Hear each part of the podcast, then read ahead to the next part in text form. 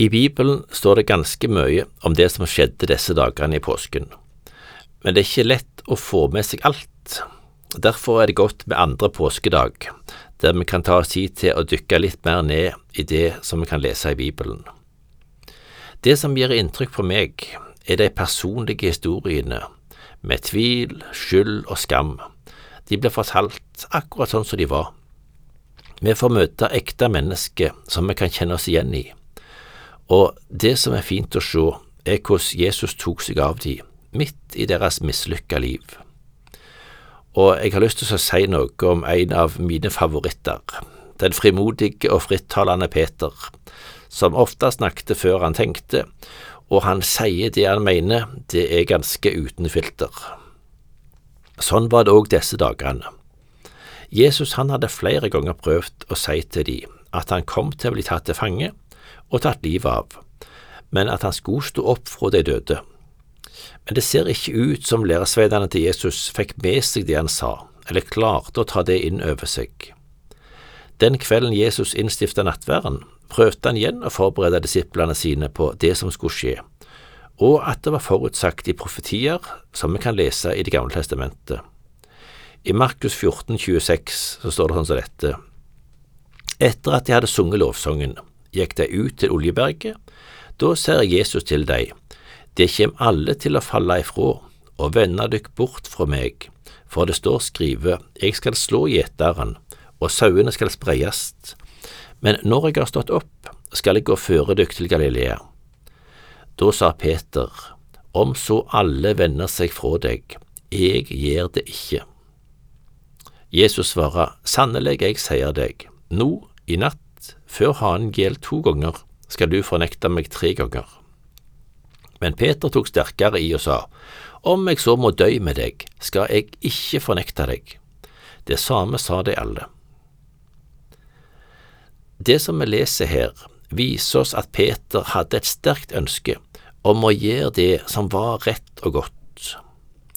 Og jeg tror vi er mange som har tenkt som Peter, etter vi har fått kjenne hvor godt det er å være frelst, vi har blitt møtt av Gud, kanskje over en åpen bibel, i ordet eller i et møte. Kanskje opplevde vi hvordan Gud var nær på en spesiell måte når vi ba, når vi sang og lovpriste Han. Og jeg har iallfall tenkt, nå skal jeg leve for deg, Jesus. Du kan sende meg hvor du vil, jeg skal gå, du kan be meg om hva, du, hva som helst, jeg skal gjøre det. Selv om Peter hadde dette sterke ønsket, han ville ikke svikte.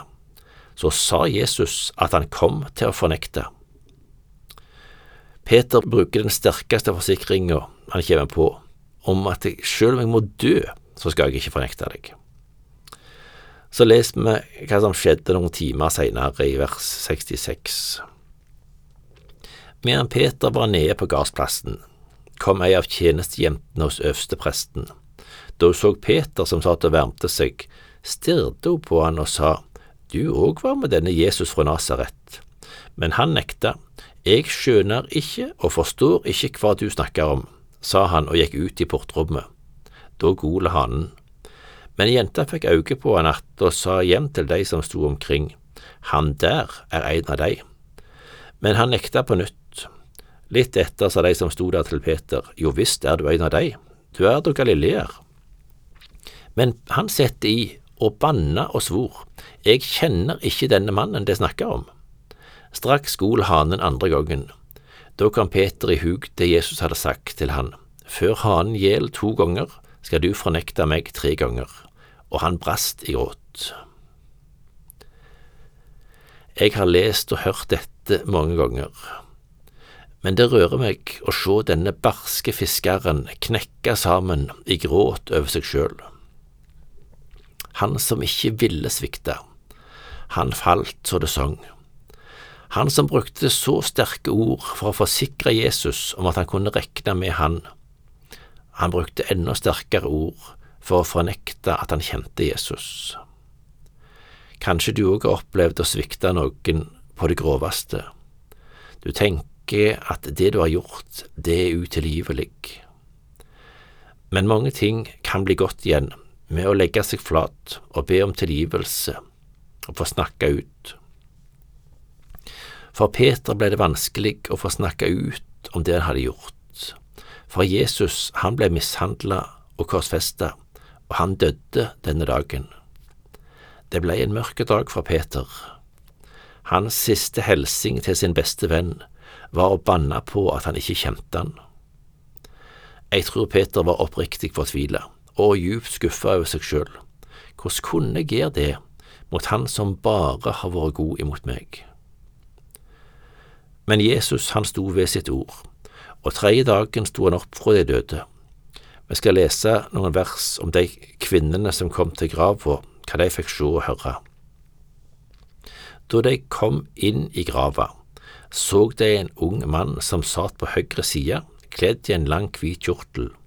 De var gripne av vott og undring, men han sa til dem, vær ikke redde. De leiter etter Jesus fra Nasaret, den krossfeste. Han er stått opp, han er ikke her.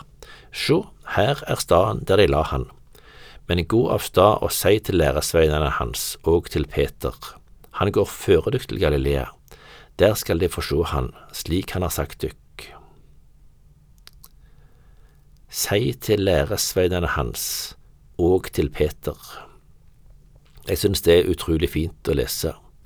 Bare én ble nevnt med navn, for han trengte det virkelig. Han trengte å høre at Jesus ville treffe han.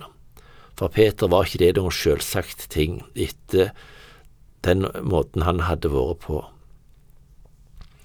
Og så vil jeg lese om en gang etter oppstandelsen, der han snakker med Peter, Jesus snakker med Peter.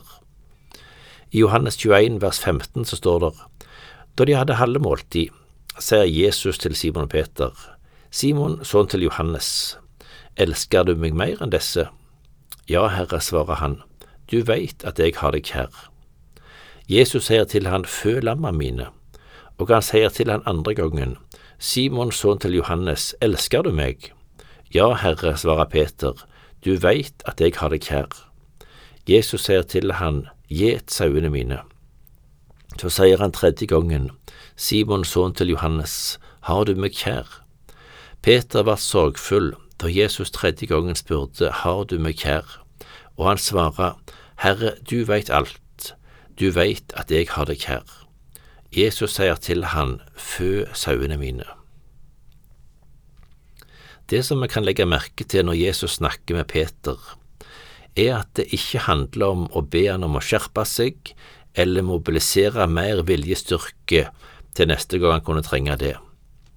Jesus han går rett på, og så spør han etter hjertet til Peter. Elsker du meg? Og når Peter kan svare ja på det spørsmålet, så kan Jesus bruke han. Når Peter får spørsmålet tredje gangen, så svarer Peter Herre, du vet alt. Du vet at jeg har deg kjær. Du vet hvordan jeg svikter, og du vet hvordan jeg kjente meg etter det stygge jeg sa. Men du vet òg at etter det så fikk jeg se klarere enn noen gang før at jeg trenger deg. I en sang så står det sånn, Du visste alt om meg før du meg kalla og ga meg plass ved nådens rike bord.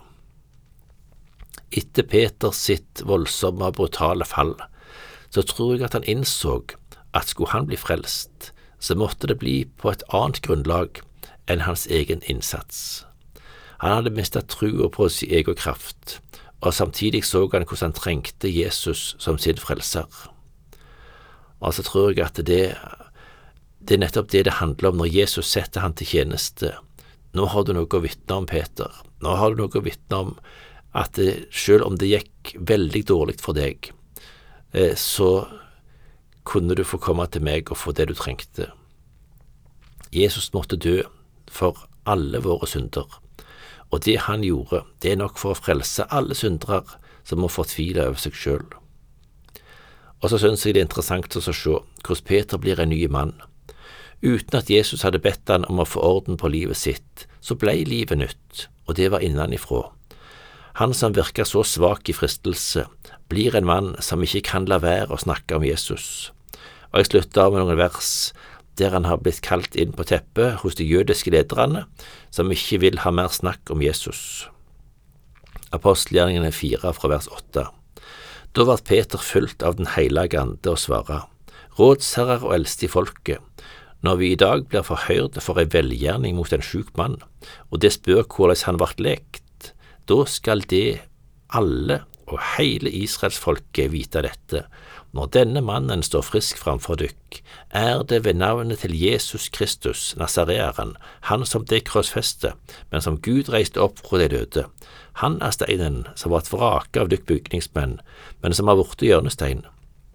Det er ikke frelse i noen annen, for under himmelen er det ikke gjeve mennesket noe annet navn som vi kan bli frelste ved.